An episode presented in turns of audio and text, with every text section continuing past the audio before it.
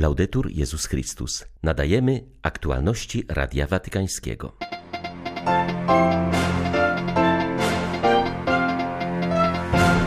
Papież zorganizował kongregację nauki wiary. Będzie ona odtąd podzielona na dwie niezależne sekcje. Polski misjonarz werbista ojciec Walenty Gryk został biskupem w Papui Nowej Gwinei.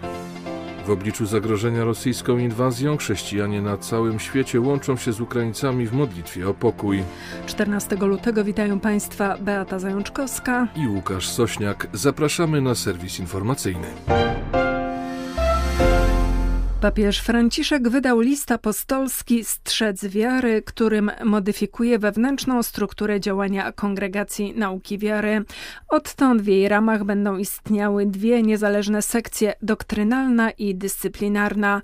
Każda z nich będzie posiadała odrębnego sekretarza podlegającego bezpośrednio prefektowi. Celem reformy jest nadanie odpowiedniego znaczenia sekcji doktrynalnej, jej fundamentalnej roli w krzewieniu wiary i moralności bez umniejszania działalności sekcji dyscyplinarnej, która skoncentrowana jest na sprawiedliwości i przez ostatnie dziesięciolecia wiele wysiłków i zasobów ludzkich zaangażowała w badanie nadużyć w Kościele. W ten sposób z własnym sekretarzem każda sekcja będzie miała większą siłę i autonomię, a ich cele działania będą jaśniej określone. W swym liście papież podkreśla, że głównym i ostatecznym kryterium, jakim należy kierować się w życiu Kościoła, jest strzeżenie wiary.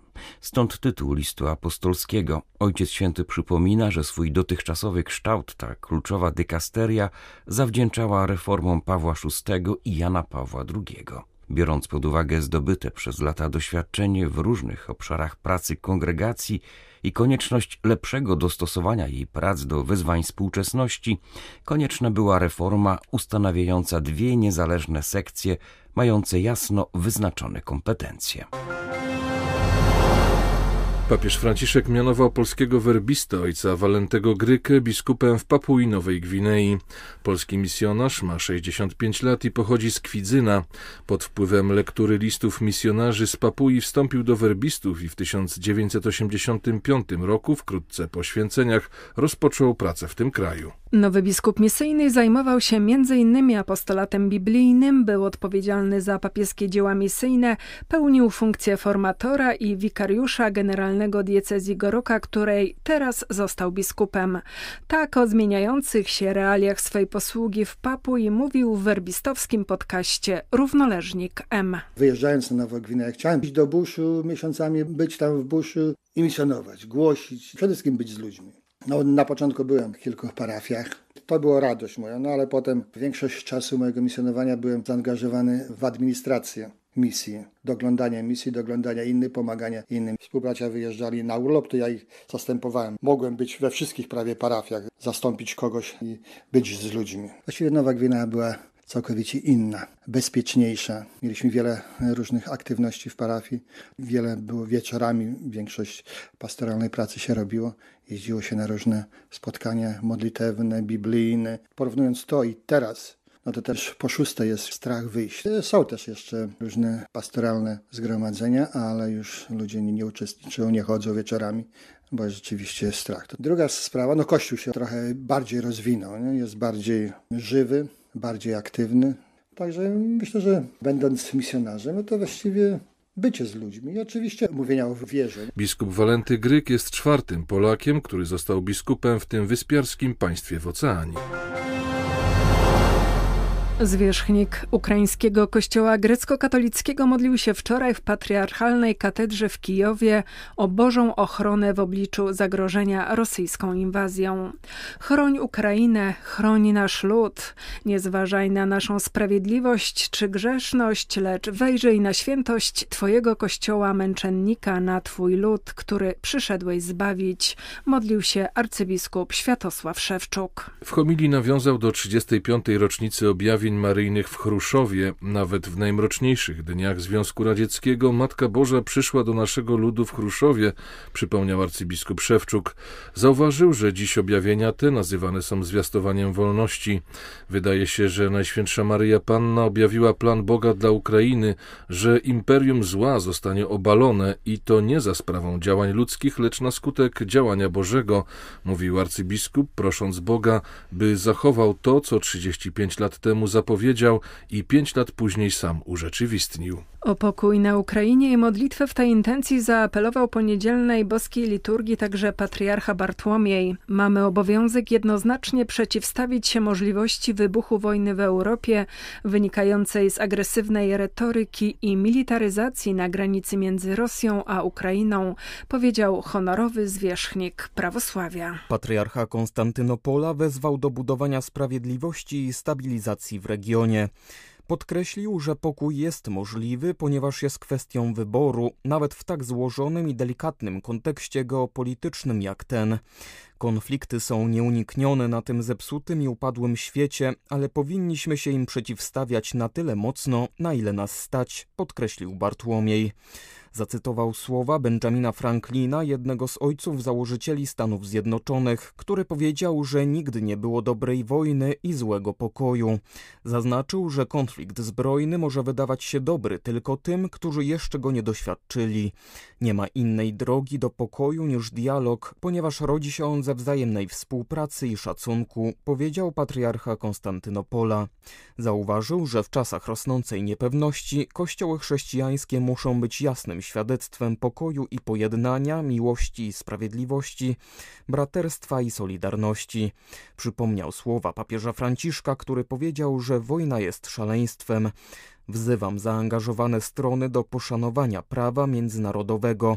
Żaden człowiek dobrej woli nie może dzisiaj milczeć, zakończył Bartłomiej. Chrześcijanie na Ukrainie liczą na pomoc świata, proszą o nieustawanie w modlitwie o pokój, mówi dyrektor biura prasowego Ukraińskiego Kościoła Grecko-Katolickiego. Podkreśla on, że z wielką otuchą przyjęty został na Ukrainie wczorajszy apel papieża po modlitwie Anioł Pański. Ukraińcy liczą też na wpływ watykańskiej dyplomacji, przyznaje ksiądz Taras Zepliński. Rozmawiając z Radiem Watykańskim zauważył on, że Kościół jest też gotowy na najgorsze. Biskupi zgromadzeni na świętym synodzie przygotowali już nawet wytyczne, jak się zachować w razie ataku. Przewiduje się przede wszystkim dalsze trwanie w modlitwie, ale też pomoc dla najbardziej potrzebujących. Kościół ma też dbać o zachowanie jedności ukraińskiego społeczeństwa i rozbudzanie w nim nadziei. Ksiądz Zepliński przyznaje, że poczucie zagrożenia jest z dnia na dzień coraz silniejsze. Jest lęk oczywiście, bo zagrożenie jest coraz silniejsze. Również media piszą coraz częściej, że do inwazji może dojść w każdej chwili. Z jednej strony to pogłębia poczucie lęku ludzi, z drugiej mamy już doświadczenie wyniesione z wojny, która trwa od ośmiu lat, dlatego modlimy się nadal o pokój a ludzie robią to, co do nich należy. Dzieci chodzą do szkoły, dorośli do pracy, życie toczy się dalej. Nikt nie uchyla się od swoich obowiązków, ale czujemy zagrożenie. Wiemy, że nie są to tylko wymysły, groźba jest realna. Wciąż mamy nadzieję, że ta kryzysowa sytuacja zostanie rozwiązana na drodze dialogu, dyplomacji. Nie chcemy wojny, ale przygotowujemy się też na najgorszą ewentualność. Każdy jest spakowany na wypadek ewakuacji, ma gotowe najważniejsze rzeczy i dokumenty. Ludzie przygotowują się też do pomocy innym, gdyby doszło do ataku. Do modlitwy o pokój włączają się także ukraińscy migranci. Praca dyplomatów jest bardzo ważna, ale w tej chwili tylko Bóg może powstrzymać rosyjską inwazję, powiedział biskup Dionizji Iliachowicz, zwierzchnik ukraińskich grekokatolików we Włoszech. Ostrzega on, że imperializm Putina spowoduje wiele cierpień i zniszczenia i to nie tylko na samej Ukrainie. To straszne, że w tej chwili dziejów mamy dyktatorów, którzy ingerują w życie innych krajów, atakują inne kraje, które nie zrobiły im nic złego, dodaje biskup Liachowicz. W minionym roku we Francji odnotowano 1659 ataków o podłożu antyreligijnym. Ponad połowa dotyczyła chrześcijan. Wstępny raport przygotowany przez specjalną komisję powołaną przy Ministerstwie Sprawiedliwości ujawnia lawinowy wzrost profanacji, kradzieży i zniszczeń dokonanych w kościołach, a także ataków fizycznych na katolików. Ataki na wolność religijną stają się we Francji coraz powszechniejsze, a dane z pierwszych tygodni bieżącego roku jedynie potwierdzają te tendencje. Ministerialna komisja badająca akty agresji o podłożu antyreligijnym stwierdza, że chrześcijańskie miejsca kultu wymagają coraz większej ochrony. W istocie aż 857 ataków dotyczyło chrześcijan, 589 wyznawców judaizmu i 213 przedstawicieli islamu. Członkowie komisji podkreślają jednak, że raport nie jest wciąż pełny, ponieważ w Kościele katolickim, w przeciwieństwie do gmin żydowskich, nie ma instytucji zajmującej się dokumentowaniem i ujawnianiem takich przypadków. Wiele ataków nie zostało zgłoszonych ani do Ministerstwa Sprawiedliwości, ani służbom bezpieczeństwa, podkreślił parlamentarzysta Ludowik Mendes w czasie prezentacji wstępnego raportu. Zauważył, że coraz częściej źródłem antychrześcijańskiej przemocy są lewackie grupy antyklerykalne.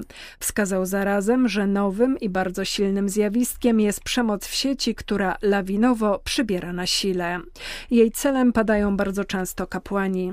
Komisja stwierdza, że choć przedstawiciele wszystkich wspólnot religijnych ujawniają nasilenie przemocy, to jednak najbardziej niebezpieczne we Francji jest bycie chrześcijaninem. Czasach ogólnoświatowego kryzysu wywołanego pandemią wiara łączy ludzi, jest proroczym głosem i pozwala tworzyć sieci działania w służbie potrzebującym. Mówił o tym delegat Stolicy Apostolskiej przy ONZ ksiądz John Patzer podczas siódmego spotkania w ramach corocznego dialogu międzyreligijnego w Genewie. Z powodu kryzysu pandemicznego 6 milionów ludzi straciło życie, a gospodarka światowa została potężnie nadwyrężona. Nierówności społeczne pogłębiły się, a bieda w wielu miejscach świata znacząco wzrosła. Niestety, w obliczu tego globalnego wyzwania wiele narodów nie postawiło na solidarność i troskę o najbiedniejszych. Chroniły jedynie siebie, co było widoczne choćby w niesprawiedliwej dystrybucji szczepionek, uważa przedstawiciel Watykanu przy ONZ. Jak zaznaczył, szukając remedium, warto zwrócić się w stronę wiary religijnej.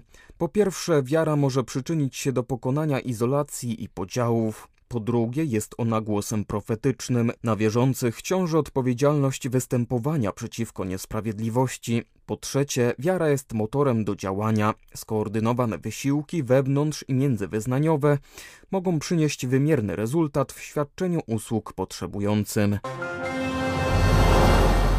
Najnowsze informacje napływające z etiopskiego regionu Tigraj, gdzie od ponad roku trwa krwawy konflikt, wskazują, że obok ludobójstwa na tle etnicznym wojna doprowadziła do destrukcji dziedzictwa kulturowego Etiopii. Zniszczeniu uległy liczne stanowiska archeologiczne i muzea, a wiele meczetów, kościołów i klasztorów zostało splądrowanych i zdewastowanych. Podejrzenia wzbudził gwałtowny wzrost liczby sprzedawanych w sieci etiopskich starożytności. Na internetowych aukcjach pojawiły się liczne przedmioty, najprawdopodobniej zagrabione z miejsc kultu podczas konfliktu. Wśród wystawionych artefaktów odkryto bezcenne zwoje, manuskrypty i rzeźby, które można było kupić za zaledwie kilkaset dolarów. Po interwencji dziennikarzy i naukowców niektóre aukcje zostały zablokowane. Dr Hagos Abrabaj, ekspert w dziedzinie etiopskich manuskryptów, który na własne oczy widział zniszczenie wielu starożytnych miejsc, uważa, że za kradzieżą cennych artefaktów stoją połączone wojska etiopskie i erytrejskie. Zdaniem Davida Altona, byłego brytyjskiego polityka, grabież jest jednym z elementów zaplanowanego ludobójstwa, które ma na celu doprowadzenie nie tylko do fizycznego wyniszczenia ludności, ludności regionu Tigraj, ale też do wymazania jej kultury i historii. Tigraj to historyczny region Etiopii, gdzie znajdują się tysiące starożytnych klasztorów i kościołów. Około 150 z nich to unikaty na skalę światową, zostały bowiem wykute w litej skale wulkanicznej. Były to aktualności Radia Watykańskiego. Laudetur Jezus Chrystus.